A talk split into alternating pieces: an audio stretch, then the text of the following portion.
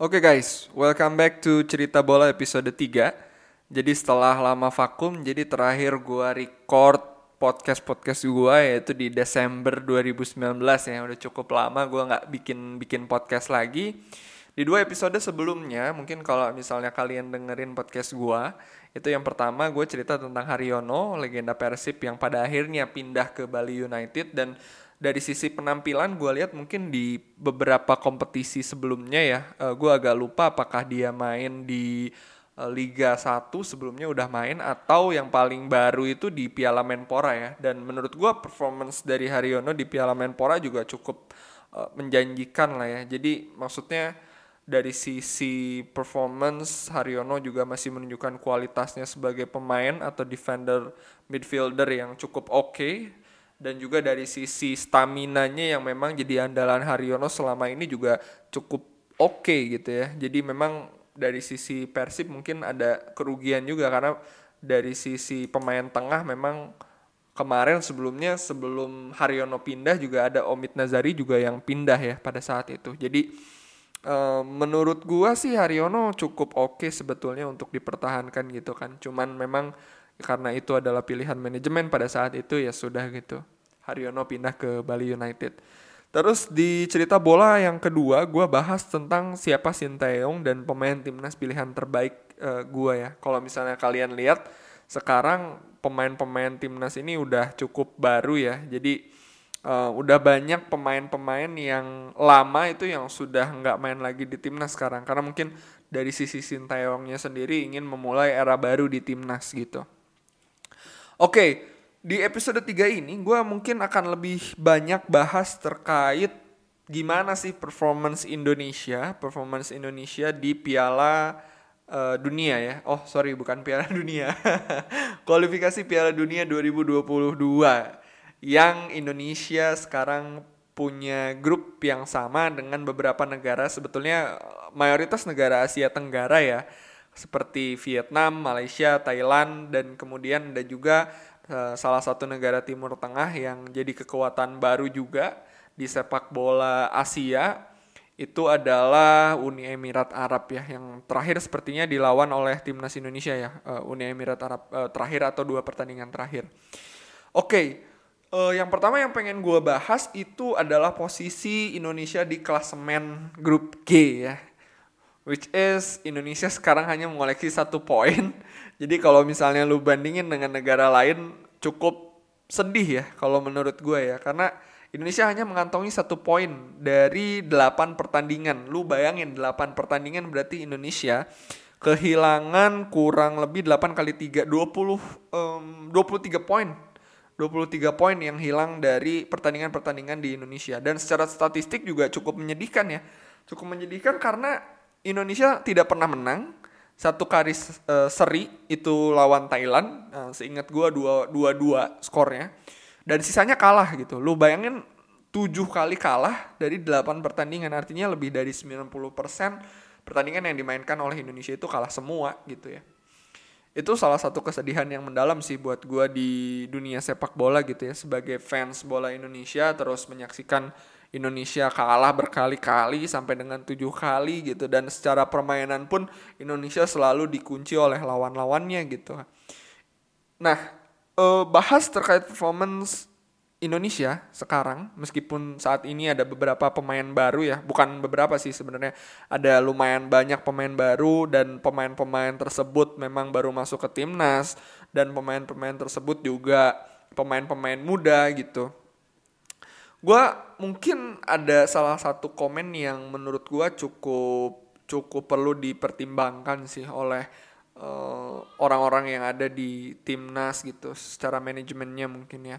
Jadi kalau gue lihat sekarang mungkin cukup banyak pemain-pemain muda yang di yang dipanggil oleh timnas Indonesia tapi dari sisi experience mungkin sebenarnya Indonesia masih membutuhkan pemain-pemain yang senior gitu dan mungkin dari sisi kapten juga butuh orang yang bisa memimpin di lapangan baik di lapangan ataupun di luar lapangan dan memberikan contoh kepada pemain-pemain muda Indonesia gitu salah satu contoh yang gue agak menyayangkan ya yaitu adalah tidak dipanggilnya Andri Tani ya meskipun sekali lagi kan ini adalah hak prerogatif dari coach Sintayong beserta jajaran asisten pelatihnya ya.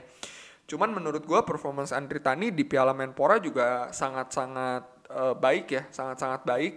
Di final juga bisa seperti memimpin gitu ya, memimpin skuad Persija Jakarta pada saat itu dan kemudian membawa Persija Jakarta menjadi juara. Jadi secara pengalaman Andri Tani ini udah udah terbiasa lah gitu dalam suatu kompetisi gitu dibandingkan dengan pemain-pemain muda lainnya. Meskipun memang secara performance sekarang ada beberapa pemain-pemain muda Indonesia yang kemudian kan main di luar negeri ya, seperti contohnya mungkin Ryuji Otomo yang main di Thailand atau juga yang paling populer mungkin Egi Melgiansa yang main di Ekstra Laksa Polandia atau juga Syahrian Abimanyu yang dikontrak oleh JDT tapi dipinjamkan ke Australia. Terus juga ada hmm, siapa lagi ya pemain-pemain oh mungkin dari dari pemain yang ada di Malaysia juga seperti Sadi Ramdhani ya Sadi Ramdhani juga main di Malaysia saat ini gitu jadi memang dari sisi pemain-pemain mudanya menurut gue udah cukup oke okay lah gitu. Cuman gue melihatnya tidak ada pemain-pemain yang cukup senior yang bisa memimpin pemain pemain-pemain muda ini untuk bisa bertanding di lapangan gitu kan, untuk menyemangati mereka untuk memberikan contoh gitu. Karena menurut gue, sepemahaman gue, sepak bola itu kan bukan hanya pertandingan 11 lawan 11 gitu kan, tapi ada banyak aspek permainan di sana dan salah satunya itu adalah mental. Jadi hal pertama yang gue sayangkan adalah tidak dipanggilnya pemain-pemain yang sebetulnya sudah senior dan bisa memberikan dampak positif kepada tim gitu ya, terutama tim nasional kita tentunya. Pemain yang kedua mungkin yang menurut gue performanya juga bagus adalah Mark Klok ya, yang kemudian Mark Klok itu tidak jadi bermain di kualifikasi Piala Dunia 2022 yang dipusatkan di Uni Emirat Arab itu karena Mark Klok punya urusan pribadi. Kalau tidak salah eh, istrinya melahirkan anak ya. Begitu. Nah mungkin ini agak sedikit eksepsional ya karena memang ya urusan pribadi gitu kan dan tidak bisa ditinggalkan juga. Oke, jadi poin pertama gua adalah gimana caranya dari sisi timnas atau mungkin lebih ke PSSI lah untuk menyeimbangkan komposisi dari pemain gitu. Kita harus melakukan regenerasi, tapi tetap juga pada saat pertandingan-pertandingan penting yang membawa nama baik negara Indonesia itu kita harus mempertimbangkan komposisinya yang mana memang sudah bisa, sudah matang pemain-pemain muda di posisi-posisi tertentu ya sudah gitu. Seperti misalnya Evan Dimas. Evan Dimas kan sudah cukup matang gitu di posisi uh, gelandang gitu. Nah mungkin posisi itu kita bisa percayakan kepada Evan Dimas karena secara level pun Evan Dimas memang sudah sangat baik gitu untuk untuk membangun permainan, untuk uh, menjaga tempo, untuk juga berkomunikasi dengan tim yang ada di squad gitu. Tapi untuk misalnya posisi penjaga gawang kita posisi penjaga gawang kan kemarin sepertinya diambil oleh Nadeo ya yang menjadi uh, pemain utama dan ada beberapa rotasi juga ya. Gue agak lupa juga. Cuman menurut gue saat ini yang dibutuhkan dari sosok seorang kiper itu bukan hanya skill saja gitu, tapi pengalamannya juga harus ada di sana dan which is sebenarnya sosok yang punya pengalaman dan skill oke okay, dan sudah terbukti juga itu ada ada pada sosok Andri Tani. Oke, okay, itu terkait pemanggilan ya. Kita sekarang bahas mungkin terkait statistik timnas Indonesia ya. Jadi statistik timnas Indonesia seperti yang udah gue bilang tadi, menang 0 kali, terus seri satu kali dan kalah tujuh kali. Dan yang paling-paling menurut gue sangat mencolok adalah jumlah dari gol yang di yang dimasukkan oleh Indonesia, which is hanya 5 gol saja dan Indonesia kemasukan 27 gol gitu. Berarti selisih golnya adalah minus 22. Lu bayangin ya. Maksudnya bagaimana caranya gitu seorang bukan seorang ya, sebuah tim Indonesia yang punya 270 atau 260 juta orang dan mungkin bisa dikatakan 40-50 persennya adalah uh, mungkin pria pada saat itu dan mungkin 20 persennya atau 30 persennya itu adalah orang-orang yang ada di di usia produktif ya dan harusnya bisa bakat-bakat yang ada di Indonesia ini kan harusnya lebih banyak gitu dibandingkan dengan bakat-bakat yang ada di negara lainnya. Cuman melihat kondisi yang ada sekarang berdasarkan statistik dengan jumlah gol kita yang hanya 5, kemudian jumlah kemasukan kita yang 27, gue merasa bahwa uh, kondisi timnas kita ini cukup cukup menyedihkan ya, bisa dibilang cukup menyedihkan karena dari sisi uh, productivity kita untuk menyerang terbukti berarti hanya 5 gol dan which is sebenarnya itu tidak maksimal karena yang lain pun at least seperti Thailand mereka bisa mereka hanya golin 9 gol gitu tapi mereka hanya kebobolan 9 gol. Artinya kan balance gitu kan. Terus uh, kita lihat Malaysia gitu selisih golnya gol memasukkannya 10 tapi uh, gol kemasukannya 12 oke okay, tapi mereka masih ada di posisi 3 dan selisih golnya pun masih minus 2 dan apalagi Vietnam lu bayangin Vietnam negara yang menurut gua dulu mungkin pada saat gua ada di eh, TK atau SD pada saat Piala AFF Vietnam itu udah nggak nggak nggak dilirik lah sebagai salah satu kandidat kuat sekarang mereka bisa mengimbangi negara-negara seperti Thailand dan Malaysia dan bahkan mungkin sekarang secara permainan itu jauh-jauh lebih baik dibandingkan Indonesia. Dan juga bisa mengimbangi Uni Emirat Arab. Lu bayangin ya sekarang kondisi kondisi permainan kita gitu uh, based on statistik ini di Piala Piala Dunia atau kualifikasi Piala Dunia ini ya menurut gua cukup cukup uh, menyedihkan lah gitu. Meskipun gua harus menghargai bahwa pemain-pemain yang sudah berjuang keras di lapangan itu ya memang sudah mengeluarkan segala kemampuannya tapi menurut gue ini lebih jauh dari itu ini bukan hanya uh, permainan saja gitu bukan hanya masalah permainan yang ada di lapangan hijau saja tapi lebih jauh daripada itu itu ada problem yang memang seharusnya sudah dipikirkan jauh-jauh sebelum kualifikasi Piala Dunia ini uh, terjadi gitu atau kita fight di kualifikasi Piala Dunia inilah kayak gitu Oke, balik lagi ke statistik ya. Jadi statistik di grup G Indonesia hanya memasukkan 5 gol dan dua di antaranya itu masuk ke Thailand seingat gua karena kita dua-dua melawan Thailand. Tapi kegolan 27 gol. Uh, 27 gol ini artinya sangat-sangat parah sih. Maksudnya kalau lu bandingin mungkin negara-negara lain ya di grup-grup lain 27 gol yang yang setara gitu atau at least sama lah selisih golnya 27 atau bahkan lebih itu ada negara di grup A itu ada Guam mereka kegolan uh, selisih golnya 30 kemudian juga di uh, Tionghoa Taipei mereka kegolan 30 kemudian Kamboja kegolan 42 gol. Terus juga Myanmar Myanmar 29 gol, selisih golnya Indonesia 22 di grup G. Oke, artinya secara statistik bahkan kita tidak lebih baik dibandingkan Sri Lanka ya. Sri Lanka selisih golnya 21 gol. Dia mereka memasukkan 2 gol tapi hanya kemasukan 23 gol.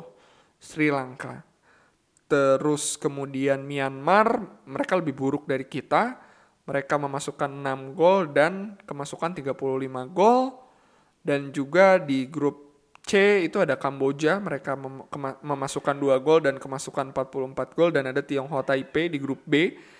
Uh, mereka memasukkan 4 gol dan kemasukan 34 gol. Dan yang terakhir adalah Guam. Artinya kualitas sepak bola kita sekarang berdasarkan statistik ya. Ini sekali lagi gue berdasarkan statistik yang ada dan kalian pun bisa langsung cek juga statistiknya bahwa sebenarnya negara kita secara kualitas ini sekarang sudah tidak lagi sejajar dengan negara-negara yang biasanya bertemu kita di final Piala AFF. Contoh misalnya pada tahun uh, eranya Babang Pamungkas lah, eranya Babang Pamungkas atau eranya hmm, ya Babang Pamungkas, Warnari Asaman dan para senior-senior ya, pemain-pemain senior itu sebut. Kita selalu bertemu dengan Malaysia atau kita bertemu dengan uh, Thailand di final Piala AFF gitu. Nah, dengan kondisi sekarang seperti ini dengan jumlah kemasukan kita yang sangat-sangat banyak dan gue hanya menghitung ini dari selisih gol kondisi sepak bola kita sekarang at least di Piala Dunia ya di di zona Asia zona Asia kualifikasi Piala Dunia itu setara dengan Guam setara dengan Tionghoa Taipei lebih baik dari Kamboja setara dengan Myanmar, setara dengan Mongolia, dan bahkan tidak lebih baik dari Sri Lanka.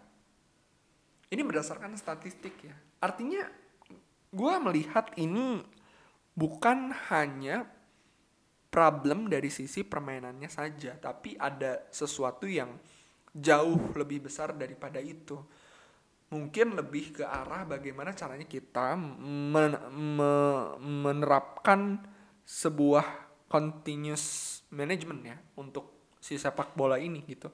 Karena toh sebenarnya kita bisa belajar ke negara-negara seperti Vietnam misalnya atau Thailand atau misalnya Malaysia gitu. Negara-negara ya Asia Tenggara yang ada di grup kita yang mungkin sering kali mengalahkan kita ya kalau sekarang gitu kita bisa belajar kepada mereka bagaimana mereka yang awalnya itu bahkan tidak lebih baik dari Indonesia bisa moving forward untuk bisa memperbaiki kualitas sepak bola mereka secara pelan-pelan, perlahan, tapi kemudian setiap hari itu lebih baik gitu.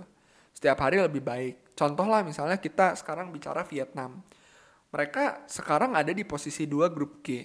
Tidak menutup kemungkinan mereka bisa lolos juga gitu ke Piala dunia gitu kan dengan catatan mereka ya bisa melalui babak-babak selanjutnya ya gue juga kurang tahu nih after ini uh, seperti apa gitu babak-babak selanjutnya dari kualifikasi Piala Dunia artinya menurut gue yang harus digarisbawahi di sini adalah pemain menurut gue sudah melakukan yang terbaik di lapangan. Tapi terkait dengan manajemen yang ada di belakang itu bagaimana kita mengelola sepak bola ini sehingga outputnya itu menjadi baik untuk tim nasional Indonesia ini yang menurut gua masih masih perlu dipikirkan bersama lah gitu karena ya pada akhirnya kan sebenarnya sepak bola ini ujung-ujungnya adalah kebanggaan negara ya kebanggaan Indonesia juga kebanggaan warga negara Indonesia juga gitu di di di seluruh bagian wilayah Indonesia gitu.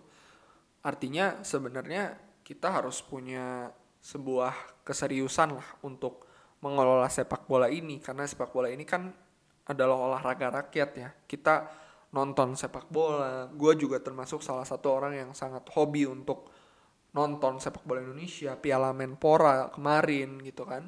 Yang menurut gue itu sangat-sangat baik lah embrio untuk kita memperbaiki kompetisi internal yang ada di Indonesia sendiri.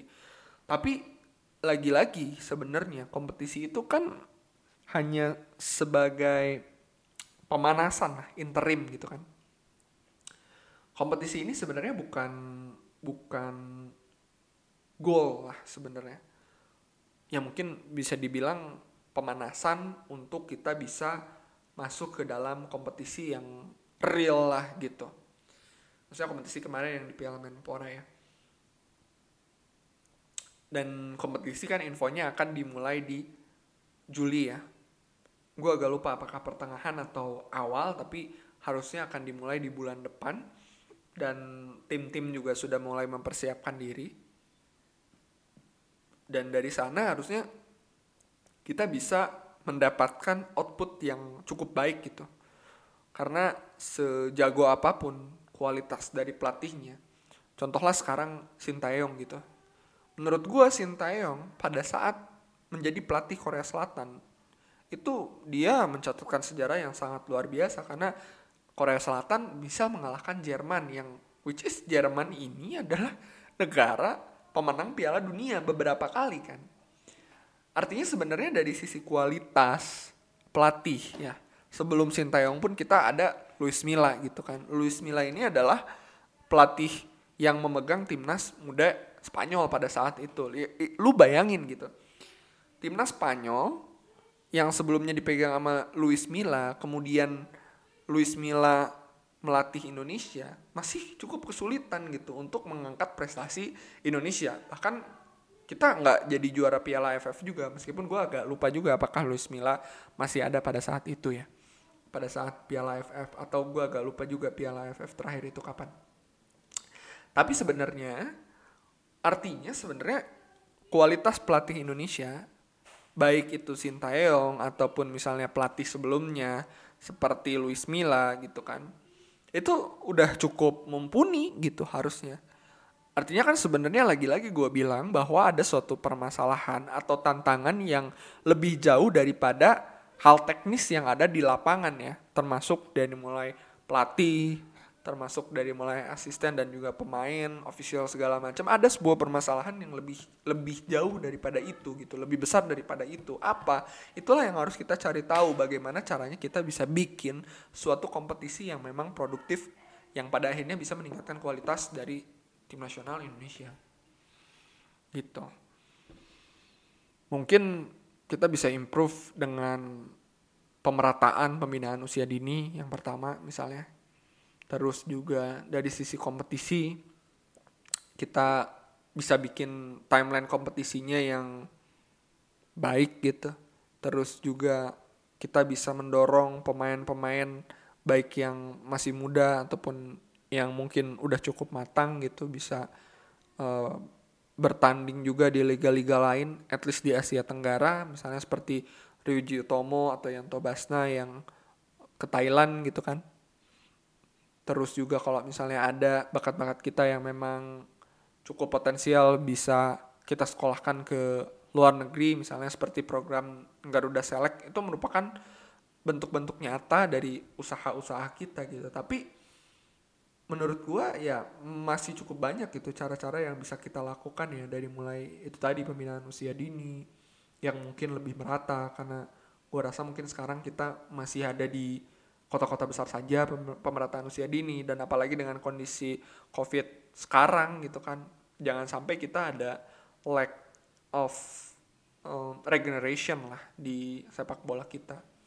Karena cukup sulit juga kan untuk berlatih untuk menggelar pertandingan atau kompetisi yang dulu mungkin kompetisi yang antar kampung antar antar SSB itu cukup mudah. Sekarang kan agak sulit ya untuk bisa melakukan itu dengan leluasa dengan kondisi saat ini.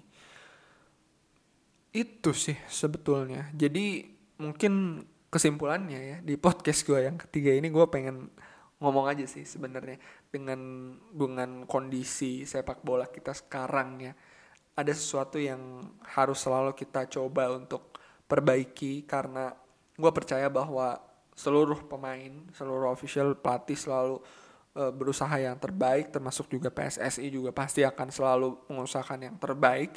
Tapi kita harus mencari cara-cara yang ke depannya bisa mengimprove kualitas timnas Indonesia gitu. Karena jujur gue sebagai supporter um, timnas Indonesia cukup sedih sih dengan kondisi klasemen kita sekarang ya. Kita ada di posisi kelima dan gue percaya kita tidak seharusnya ada posisi ada di posisi tersebut kita berada di bawah Vietnam, Malaysia dan Thailand dan kita malah secara kualitas, secara statistik sekarang sejajar dengan negara-negara yang sebelumnya itu entah ada di mana sepak bolanya masih membangun juga. Gue yakin kita masih lebih baik sih dari mereka dan kita juga harus bisa untuk mengimprove kualitas tim nasional Indonesia.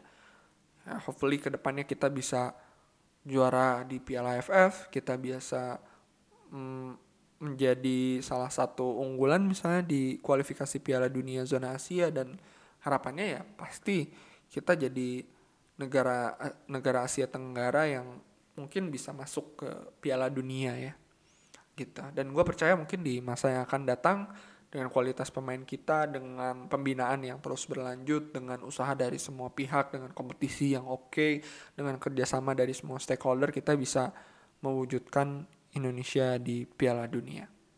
Oke, okay, guys, itu aja di podcast gue yang ketiga setelah lama nggak ngobrol di podcast ini. See you guys.